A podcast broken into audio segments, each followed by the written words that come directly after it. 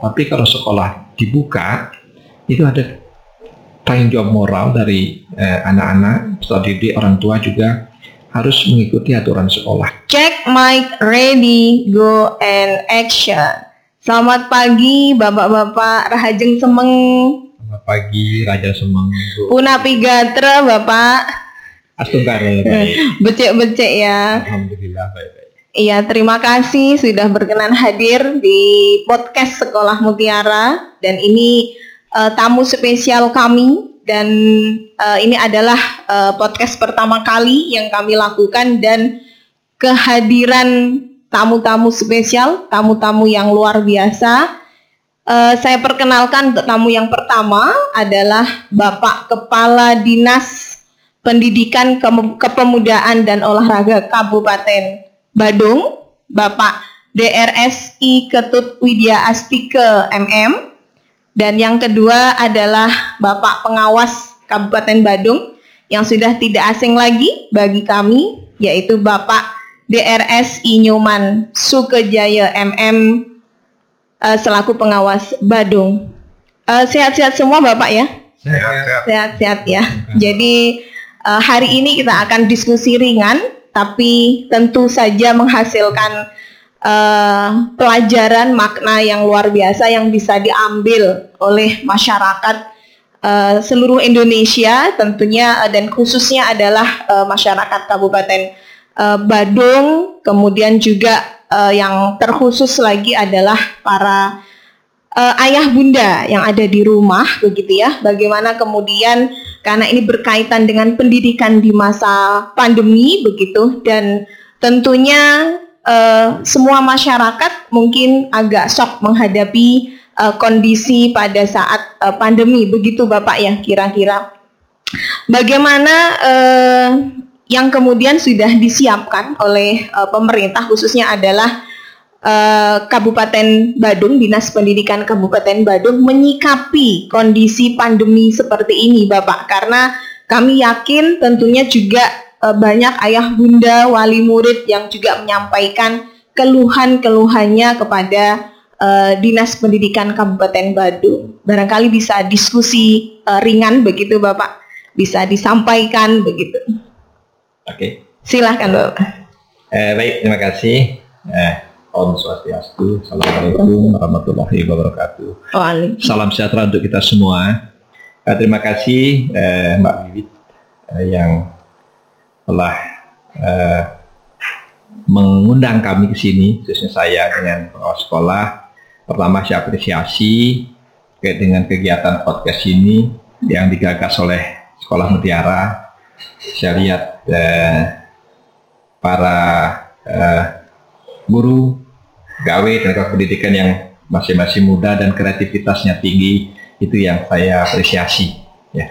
Apa yang disampaikan oleh Mbak Wiwit tadi terkait dengan ya, pandemi COVID-19 yang bagaimana kita bersama tidak eh, menyangka ya di luar dugaan kita bahwa kita eh, di tahun 2020 ini harus belajar dengan dalam suasana darurat COVID-19 eh, apa yang telah dilakukan pemerintah tentu sudah banyak hal ya. Sudah banyak hal yang dilakukan pemerintah agar pembelajaran di sekolah-sekolah di satuan-satuan pendidikan masih bisa terlaksana. Dalam artian pembelajaran itu tidak harus tatap muka. Apa yang dilakukan pemerintah eh, kita melihat dari pemerintah pusat dulu ya. Begitu pandemi COVID-19 ini merebak di Indonesia dari Kementerian Pendidikan dan Kebudayaan eh, Bapak Menteri khususnya setelah menerbitkan eh, surat edaran nomor 4 tahun 2020 Betul ya. itu salah satu regulasi yang sudah diterbitkan. Kemudian selanjutnya di pemerintah daerah baik di jajaran provinsi maupun khususnya di Badung kita menindaklanjuti dengan berbagai eh, surat edaran yang diterbitkan oleh pemerintah daerah ada yang ditangan oleh Pak Sekda mau atas nama Bupati, ada juga oleh Bapak Bupati. Itu salah satu hal yang pertama yang langkah-langkah yang dilakukan adalah eh, regulasi. Sehingga kita dalam pembelajaran ada pedoman yang bisa kita jadikan acuan untuk melaksanakan pembelajaran di sekolah. Kemudian dari sana eh, muncul ada SKB 4 Menteri. SKB 4 Menteri ini menjadi pedoman kita dalam pembelajaran di masa, masa darurat COVID-19 ini. Dalam regulasi-regulasi yang ada, pada prinsipnya pembelajaran tetap berjalan. Cuma ya. dia tidak dalam bentuk pembelajaran tatap muka. Dan ini eh, khususnya di Badung, ya kita sudah ambil langkah-langkah. Pertama, kita mendukung apa yang menjadi program pemerintah. Ini harapan saya kepada seluruh orang tua siswa juga agar hal ini menjadi perhatian kita bersama bahwa pemerintah tidak ada keinginan untuk menelantarkan anak-anak, tidak ada keinginan untuk menyusahkan kita semua. Yang ada di uh, upayakan oleh pemerintah adalah bagaimana kita semua, khususnya anak-anak, para siswa, peserta didik, para guru kita, para pendidik, ya, para tenaga kependidikan dan seluruh keluarga besar sekolah dalam keadaan sehat dan selamat itu yang pertama. Ya, itu yang pertama yang menjadi fokus. Oleh karena itu pembelajaran tatap muka sampai saat ini untuk zona yang merah dan orange tidak diperkenankan mengacu pada SKB 4 Menteri. Pembelajaran tatap muka hanya akan diberikan nah, di wilayah-wilayah yang dalam kondisi zona orange atau hijau.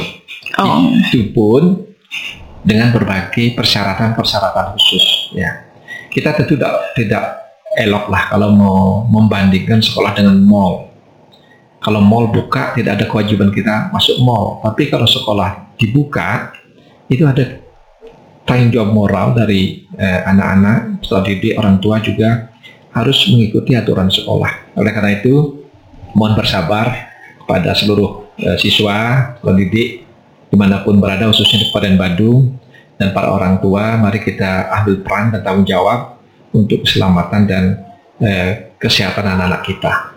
Yang lain juga di Badung, eh, karena di Badung ada uh, wifi yang disiapkan oleh pemerintah pada masyarakat.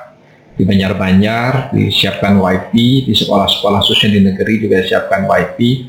Ini salah satu upaya untuk me melakukan pembelajaran eh, daring, pembelajaran online di seluruh sekolah di Kabupaten Badung, termasuk juga penyiapan eh, apa namanya uh, fasilitas sarana prasarana berupa laptop pada anak-anak kita di sekolah negeri. Ini salah satu upaya yang bisa untuk mendukung program pembelajaran di rumah atau PJJ atau BDR yang sudah menjadi uh, arahan dari pemerintah pusat. Tentu kewajiban kita bersama, mari kita uh, tetap mengambil peran yang maksimal sehingga anak-anak kita uh, tetap bisa belajar dengan baik di rumah. Tentunya ini memang bukan pekerjaan yang mudah bagi kita semua. Bukan pekerjaan yang mudah. Artinya ini yang terbaik di antara pilihan-pilihan mungkin yang kurang baik yang harus kita lakukan. Mungkin itu dulu. Oh, baik, terima kasih penjelasannya. Uh, Bapak Kepala Dinas ya, luar biasa mudah-mudahan memang uh, ini bisa diterima oleh uh, ayah bunda yang ada di luar sana gitu ya. Dan mungkin uh, beberapa pertanyaan dari wali murid begitu ya. Dan Pak Jaya mungkin uh, yang turun langsung ke lapangan gitu ya. Mungkin bisa uh, sedikit memberikan gambaran begitu. Apa yang dirasakan oleh sekolah-sekolah uh, terutama yang uh, di Badung begitu ya atau sekolah pada umumnya mungkin ada keresahan-keresahan dari Eh, guru-guru uh, atau wali murid begitu. Karena uh, orang tua pasti menginginkan yang terbaik dan juga uh, kami yakin pemerintah dalam hal ini adalah dinas pendidikan juga menginginkan hal yang terbaik begitu. Dan orang tua apalagi yang bekerja begitu ya menginginkan akan segera gitu ya harapannya ingin segera dibuka sekolah gitu karena mall mungkin sudah dibuka pantai sudah dibuka gitu. Nah apakah uh, diperbolehkan begitu ya? Uh, sekolah itu ya meskipun mungkin hanya uh, bertahap dan juga uh, tidak banyak siswanya gitu bergelombang. Seperti itu apa yang uh, bagaimana Diknas gitu ya menyikapi uh, apa yang diinginkan oleh orang tua. Ini supaya kemudian orang tua juga uh, memahami gitu ya bahwa uh, sekolah tentunya juga uh, harus mengikuti gitu ya aturan yang diterapkan oleh uh, menteri dan juga kemudian diturunkan kepada dinas. Seperti itu. Mungkin ada tanggapan pak? Iya terima kasih. Jadi menurut saya selaku pengawas pendidikan di Kabupaten Bandung melihat kondisi yang seperti sekarang ini kami tetap memberikan arahan langsung kepada sekolah. Ketika bertemu juga dengan orang tua kami selalu mengingatkan bahwa tidak boleh terlalu sombong tidak boleh terlalu berani dengan menghadapi kondisi saat ini kondisi gitu ya. ya jadi dengan demikian kami serutin melaksanakan pengawasan ke sekolah. Sekalipun tidak ada siswa tapi guru-guru seperti contoh di sini guru-guru tetap ada di sekolah dengan tetap menjaga protokol kesehatan. Baik, baik. Dan kami tetap pantau setiap sebulan sekali di setiap sekolah itu dengan format yang sudah disiapkan bahwa protokol kesehatan wajib dan harus dilaksanakan. Kami tetap evaluasi per bulan di tiap sekolah. Oh. Sekalipun ada keluhan dari orang tua, ada yang orang tua minta supaya segera juga bisa ke sekolah. Sekolah ya. Kami khawatir sebelum ada yang disebut dengan zona hijau, zona hijau pun kami masih tidak berani. Belum berani belum begitu ya. berani. Um, menghadirkan karena kami khawatir dengan sekolah di Badung atau sekolah di antara di Badung ini menjadi klaster. Kami hmm. sangat khawatir dan sangat takut dengan hal itu. Nah, menurut saya hanya itu yang bisa saya sampaikan pengalaman selama empat bulan ini dalam pemantauan sekolah di masa pandemi COVID. Baik, dan juga mungkin itu tadi ya berkaitan dengan peran ayah bunda yang ada di rumah begitu. Jadi uh, bagaimana begitu ya pesan dari bapak kepala dinas dan juga kepala uh, bapak pengawas ya Kabupaten Badung begitu. Jadi barangkali bisa memberikan pesan-pesan kepada uh, para orang tua yang ada di rumah gitu ya, para ayah bunda yang ada di rumah karena uh, kami yakin gitu ya mereka sudah sibuk bekerja, sudah memikirkan banyak hal, ditambah lagi kemudian harus mendampingi putra putrinya gitu ya di rumah untuk belajar begitu. Jadi barangkali ada pesan yang bisa menguatkan karena saya yakin uh, ayah bunda yang ada di seluruh Indonesia juga akan melihat uh, diskusi kita yang sangat menarik ini dan juga khususnya ayah bunda yang ada di sekolah Mutiara begitu Bapak. Barangkali ada pesan untuk menguatkan ayah bunda begitu Pak uh, Kadis. Ya, uh, terima kasih. Saya uh, sungguhnya sangat memahami kesulitan-kesulitan uh, yang dirasakan oleh para orang tua karena di satu sisi sebagai abdi di pemerintahan, sebagai abdi masyarakat, saya uh, terus memantau situasi di uh, satuan pendidikan dan di sisi lain saya juga adalah se sebagai orang tua di rumah. Ya.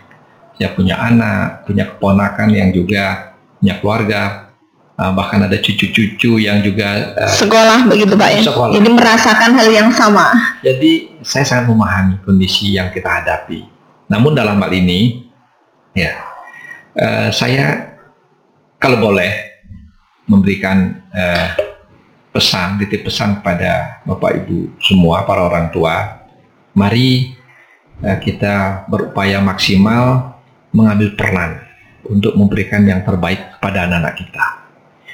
Kita harus sangat menyadari dan benar-benar harus kita menyadari anak-anak itulah anak-anak kita, ya sebagai kalau di Bali ada namanya guru guru rupake. Ya guru rupake adalah orang tua. Oh. ya kalau di sekolah guru pengajian. Kalau di rumah kita bisa melakukan pendidikan di jalur informal di rumah. Kalau di sekolah mungkin jalur jalur formal. Jadi peran orang tua seperti yang ya, disampaikan oleh Pak Menteri juga orang tua adalah pendidik yang pertama dan utama. Jadi peran orang tua tidak bisa dikesampingkan untuk melakukan yang terbaik mendidik anak-anak.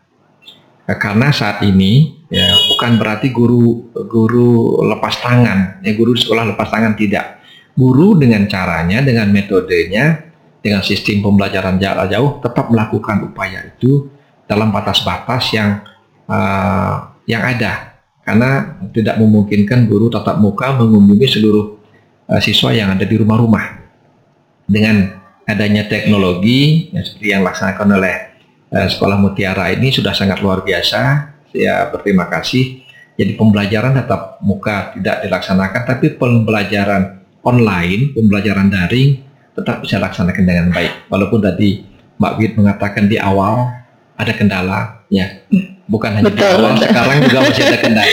Ya, masih ada Masih kendala. tetap tetap mencari solusi Iya. begitu Pak ya. Tapi mari kita tidak berfokus pada kendala yang ada. Mari kita berupaya merubah mindset kita. Solusi apa yang bisa kita lakukan? Ya sehingga eh, kendala-kendala yang ada dalam pembelajaran jarak jauh ini bisa kita atasi. Harapan saya eh, orang tua harus sabar. Ya, Eh, memang tidak mudah menjadi guru. Eh, Tidak mudah menjadi guru. Eh, beberapa media sosial saya lihat eh, bah- bahkan eh, anak orang tua sering eh, istilahnya mungkin jengkel ya, jengkel itu mengajari Diskusi anak-anak dalam tanda kutip Iya. gitu Pak ya. jengkel, bisa marah-marah, itulah seninya di sana.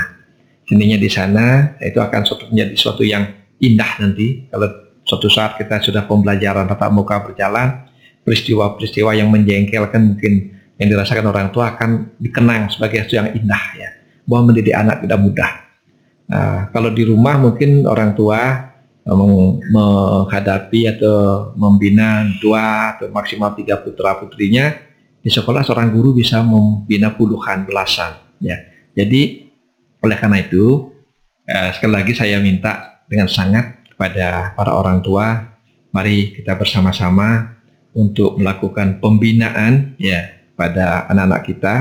Bersama-sama kita melakukan upaya sebaik mungkin sehingga pembelajaran jarak jauh atau bela- belajar dari rumah ini bisa berjalan dengan baik dan tentu kami di pemerintahan eh, akan terus berkoordinasi dengan Satgas Covid di daerah Oh, Eh, karena kemarin pun kami masih berkomunikasi dengan Bapak Kepala Dinas Kesehatan untuk mendapatkan informasi sebenarnya Badung seperti apa. oh. Ya, Badung kondisi seperti apa? Nanti kalau sudah ada sesuai dengan regulasi yang ada, kalau sudah kita di ada di zona eh, kuning begitu, eh, apalagi zona hijau, kami tentu akan eh, melakukan kajian yang mendalam dan melapor kepada pimpinan.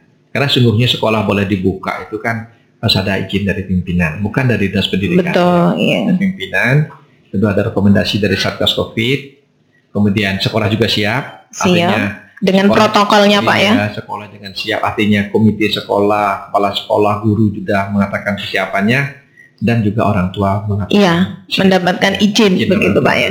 Tapi kalau sekolah mengatakan siap, kepala sekolah oke, para guru sudah sangat siap, tapi kalau ada orang tua yang tidak mengizinkan Belum anaknya- mengizinkan. yang belum mengizinkan anaknya ke sekolah, ini bagian dari tugas guru untuk tetap melayani dia belajar di rumah di rumah. seperti itu. Ya, Jadi jadi kita benar hati-hati Mbak Bibit. Kita seperti yang Pak Nyoman Sukojayo mengatakan tadi, kita tidak ingin eh, dengan membuka sekolah akan ada klaster-klaster baru eh, penyebaran COVID di Hmm. wilayah Badung. Ya. betul. Kami betul. koordinasi dengan dinas pendidikan provinsi, dengan teman-teman di sekitar, dengan Tabanan, dengan eh, apa namanya? Denpasar Pasar, begitu. dengan biayanya Iya. perbatasan, bagaimana yang bisa kita lakukan yang terbaik untuk Hmm. anak-anak kita. Tidak ada maksud, eh, jangan ada jangan ada pemikiran bahwa guru makan gaji buta, tidak ada. Iya, Guru dengan kondisi begini bekerja keras. justru dua kali Pak bekerjanya ya, dua kali lipat. Keras, ya. Pertama bekerja keras untuk menyiapkan materi-materi yang bisa eh, dicerna dengan oleh anak-anak dalam keterbatasan. Ya, Betul. keterbatasan. Tidak bisa semua materi yang Dituntaskan. dituntaskan pada sama seperti saat kita tatap muka. Iya, Guru harus pintar-pintar memilah, memilah dan memilih materi-materi yang terpenting dulu yang disampaikan dalam situasi seperti ini. Beberapa guru kita, kita akui penguasaan mem- eh, para guru terhadap IT juga belum maksimal. oh, Belum lagi dia belajar keras untuk itu. Iya. Ya, belajar keras untuk itu, memang itu tanggung jawabnya dia. Jadi tidak ada istilah guru kita tidak bekerja. Guru kita semua bekerja. Seperti syukur di sini di Mutiara. Saya lihat adik-adik ini yang saya anggap adik-adik karena masih muda. Iya. Luar biasa. Masih muda-muda dan ganteng-ganteng begitu ya. Keren-keren. ini kan satu inovasi.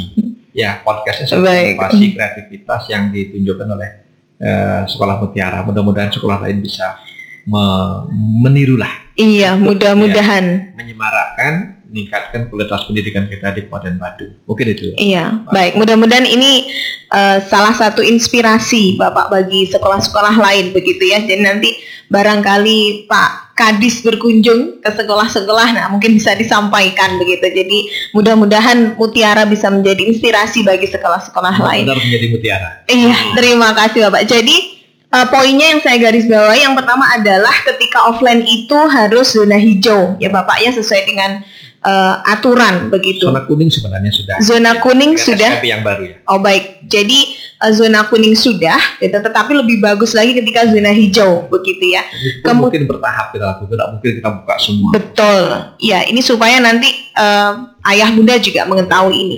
Dan yang kedua yang saya garis bawahi adalah sinergi dan kerjasama antara pihak sekolah dan orang tua. Seperti itu ya Pak Kadis ya dan Pak Jaya. Nah ini berkaitan dengan eh, Indonesia ini kan sekarang menuju eh, industri 4.0 begitu Pak ya.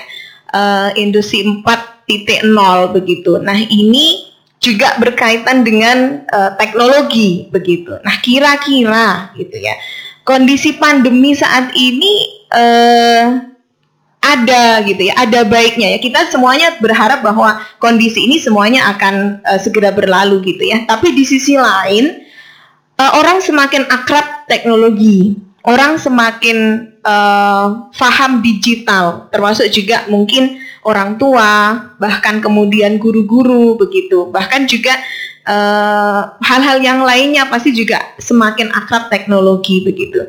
Nah, bagaimana eh, berkaitan dengan eh, pendidikan yang baik, pendidikan yang visioner dan berbasis teknologi menurut eh, Bapak Kepala Dinas dan Bapak Pengawas ini seperti apa kaitannya begitu ya? Ini kan eh, orang-orang sudah semakin akrab teknologi begitu. Nah, ini akan mengarah gitu ya. Sudah eh, ada masanya gitu ya untuk mengarah kepada teknologi gitu ya, pendidikan berbasis digital seperti itu. Yang dilakukan di pemerintah eh, khususnya adalah Dinas Pendidikan Kabupaten Badung sendiri seperti apa Pak? Tentang pendidikan berbasis digital ini? Eh, baik eh, Mbak. Eh, dalam hal pendidikan berbasis digital eh, berbasis teknologi informasi ini nampaknya tidak bisa kita hindari mau tidak mau Iya.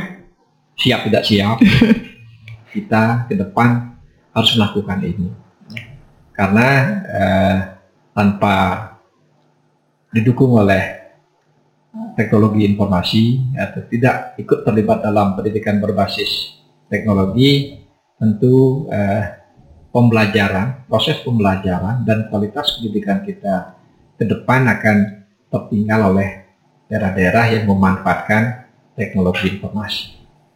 Oleh karena itu, eh, karena ini merupakan suatu keharusan dan di Badung eh, sesuai dengan visi dan misi Bapak Bupati, Pak Wakil Bupati periode 2016-2021,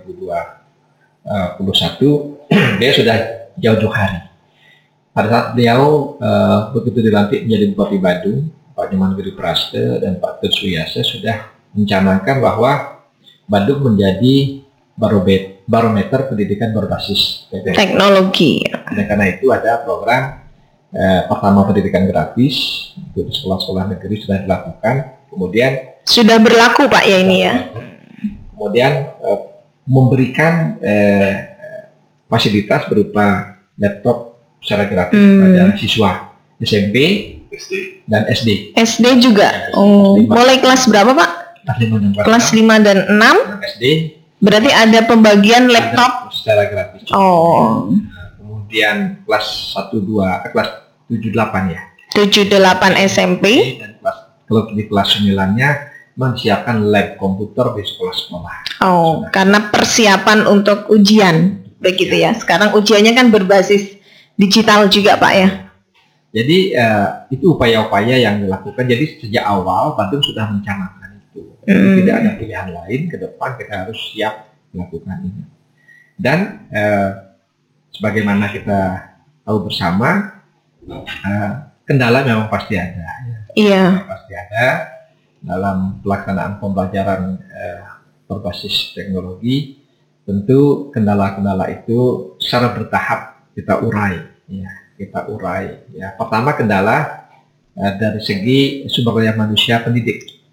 Untuk pendidiknya begitu ya. Pendidik ya, yang saya sampaikan sempat tadi bahwa tidak semua guru kita sudah tidak semua guru kita siap untuk melakukan pembelajaran berbasis teknologi. Iya, akrab ya, teknologi begitu ya. Banyak yang gagap, banyak yang gagap, sesuai yang usia-usia sudah usia-usia Eh, lewat Senior begitu senior, Pak ya. Senior dalam pangkatan iya. Senior. tinggi tapi untuk teknologi memang perlu pendalaman lagi dan memang sudah dikaji oleh para pengawas dan para pengawas sekolah sudah membuatkan laporan bahwa ada berapa guru kita yang senior-senior dari segi usia, dari segi kepangkatan memang harus dibina lagi untuk teknologi. Itu kendala yang yang nyata, oh. yang nyata ada. Kemudian yang kedua, tentu Nah, pembelajaran basis teknologi ini juga melibatkan peran masyarakat. Ya, kalau kelas 5, kelas 6, kelas 7, 8 sudah ada laptop dari pemerintah, bagaimana kelas 4, 3, 2 dan kelas oh. Ini kan perlu ada kelas bawahnya ya, begitu Pak ya. Dukungan masyarakat, dukungan pemerintah. Ya, karena untuk belajar berbasis teknologi, uh, sarana yang ada harus tidak sembarangan. Ya minimal HP-nya ya berkelas lah. Iya. Berkelas lah sedikit sehingga bisa menerima pembelajaran lewat Zoom, lewat WA, gitu ya. Ini yang juga ada kendala-kendala yang kita hadapi, tapi tidak tidak masalah kita akan jalan terus. Kemudian uh, kebetulan ada COVID di luar dugaan kita, uh, mau tidak mau uh, pembelajaran berbasis teknologi ini harus digencarkan, digenjot begitulah. Mau tidak mau harus digenjot ya. Ini ke depannya hal ini akan menjadi walaupun nanti ada tatap muka, pembelajaran tatap muka sudah bisa jalan, tentu ini akan tetap beriringan ya. Betul. Pembelajaran berbasis. Kalau di, di tempat-tempat lain uh, mereka bisa melakukan bukan hanya di tingkat uh, jenjang pendidikan dasar menengah, di perguruan tinggi pun mereka. Iya. Yang pernah baca artikel bahwa perguruan tinggi itu dia ada di suatu negara, dia punya mahasiswa banyak di negara lain. Hmm. Jadi online begitu online, Pak ya? ya? Online mereka belajar. Ini kan suatu hal yang harus kita terima dan mungkin kita melawan hal ini. Teknologi informasi ini dalam pembelajaran jadi hal yang yang benar-benar uh, harus kita menyiapkan diri untuk itu. Iya. Ya mungkin itu. Baik Pak, uh, mohon untuk mic-nya agak didekatkan Pak. Iya. Iya, jadi uh, sudah lengkap sekali tadi ya penjelasan dari uh, Bapak Kepala Dinas. Bapak pengawas akan menambahkan barangkali ada yang disampaikan melengkapi dari apa yang disampaikan oleh Bapak Kadis. Terima kasih. Jadi rupanya saya penekanan lagi di Bandung ini ketika menghadapi pandemi soal teknologi sudah pimpinan kami sudah sebelum ada COVID ini belum ada berita tentang COVID di Badung ini sudah sudah mulai begitu ya sudah jalan karena difasilitasi sangat luar biasa hmm. sekolah di Badung oleh pimpinan kami. Berarti para pimpinan yang ada di Badung ini sudah uh, akrab teknologi ya Pak ya, sudah akrab digital sudah. Ya, minimal uh, visi beliau. Ya, minimal sudah, visinya sudah, begitu, visi sudah beliau jauh ke sudah depan. luar biasa. Ya. Maka ya. dari itu tidak heran gitu ya ketika ya. Badung ini juga uh, menjadi barometer ketika sekolah-sekolah lain atau dinas-dinas lain ketika uh, berkunjung ke Bali juga studi bandingnya ke Badung, Badung begitu ya. Pak ya iya. kira-kira. Salah satunya ya. Iya, jadi uh, ini kan saat ini sudah kondisi new normal begitu Pak ya. Nah, peran dari uh, Dinas Badung sendiri gitu ya, Dinas Pendidikan Badung sendiri men menyosialisasikan kepada masyarakat terutama ayah bunda tentang uh, kondisi new normal sendiri seperti apa Pak? Begitu. Jadi ini kan sudah mulai uh, dari pemerintah pusat sudah ada uh, himbauan kondisinya new normal dan sekarang sudah mulai agak rame ya di jalanan sudah agak rame begitu ya. Kendaraan-kendaraan orang sudah uh, mulai untuk beraktivitas. Beraktivitas begitu. Nah, ini peran dari uh, pemerintah pada umumnya dan juga khususnya adalah Dinas Badung sendiri ke sekolah-sekolah seperti apa menyampaikannya begitu. Perencanaan program itu jadi kita di pengawas sudah mempersiapkan, kita di dinas sudah mempersiapkan bagaimana pola belajar new normal dengan pepti-pepti yeah. 50% persen itu sudah kami persiapkan juga. Dan kami sudah ready, kalaupun itu memang sudah boleh berjalan iya, normal begitu tetap ya. Tetap kami melihat dari akta, dari pimpinan kalau sudah ada seizin pimpinan seperti apa yang disampaikan kepala dinas tadi bahwa dari orang tua tidak ada keberatan kalau kita melaksanakan ini dan jadwal kegiatannya yang 50% 50% kami sudah punya. Sudah. Artinya ya. untuk saat ini karena memang sekolah belum dibuka itu belum disosialisasikan belum. ya Pak ya gitu. Nanti kira-kira ketika kemudian memang sudah uh, ada himbauan untuk dibuka karena sekolah-sekolah yang lain mungkin di zona hijau sudah ada yang buka di luar uh, Bali begitu ya, ya. tapi memang di Bali khususnya di Badung sendiri masih uh, belum pembelajaran ya. jarak jauh begitu ya, ya PJJ begitu. Ya. Jadi uh, artinya Badung sudah siap ketika proses pembelajaran itu nanti uh, dibuka begitu Pak ya. Nah, begini Mbak, saya tambahkan sedikit dan melengkapi yang disampaikan oleh Pak Nyaman Sukajaya bahwa uh, sosialisasi terkait dengan new normal ke sekolah-sekolah sudah kita lakukan lewat para pengawas, hmm. lewat kepala UPT juga. Yeah Ya, jadi intinya eh, sekolah harus meyakinkan meyakinkan dirinya sekolah itu bahwa dia sudah melengkapi daftar periksa yang menjadi kewajiban dari sekolah ya. Oh, yeah. Harus dia sudah melengkapi daftar periksa, kemudian fasilitas pendukung yang harus ada dalam rangka menyiapkan kondisi pembelajaran di new normal juga harus dia lengkap. Misalnya mulai dari kesiapan dengan tempat cuci tangan seperti yang di depan yeah. tadi ya tempat cuci tangan ya. Pak, ya. bahkan tempat cuci tangan ini bagus itu gak oh. nah, pakai kaki kan oh, ya, gitu. ya jadi lebih aman iya lebih ya. aman tak pegang-pegang lagi iya. keran itu jadi itu sudah kami pikirkan jauh hari Pak jadi ada visinya ke depan maksud iya. keamanan ya iya.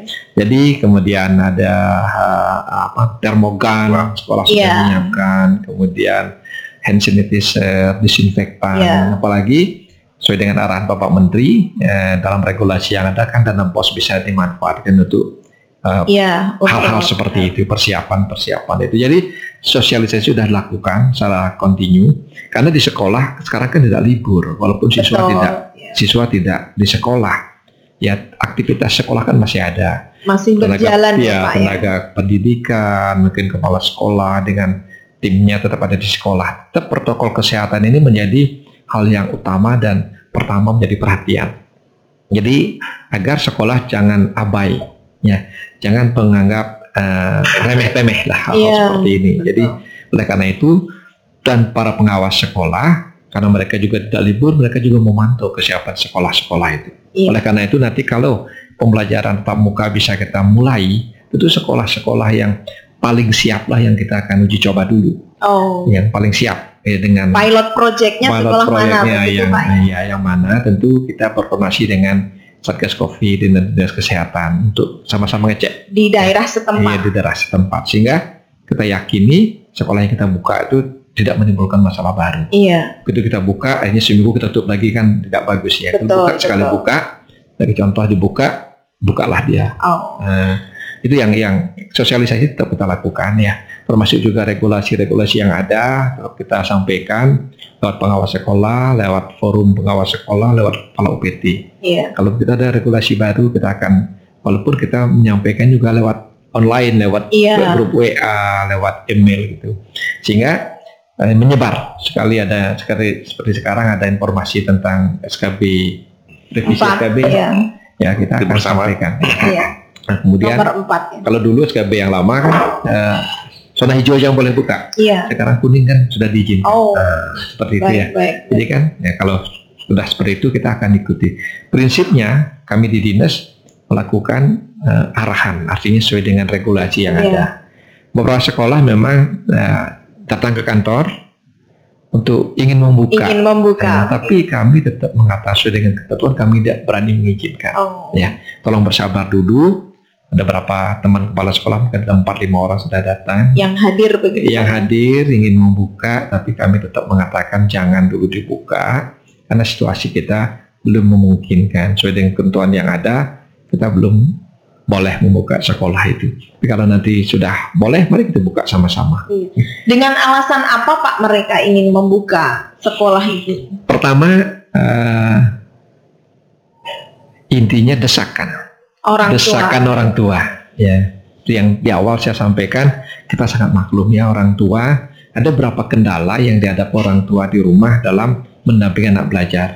Pertama kendala memang dari segi kemampuan Sarana. kemampuan menjadi Pendidik. pendidik Iya. memang ya itu yang pertama. Kedua masalah waktu. Oh, waktu. Waktu ya. Orang tua harus bekerja pagi sementara anak di rumah.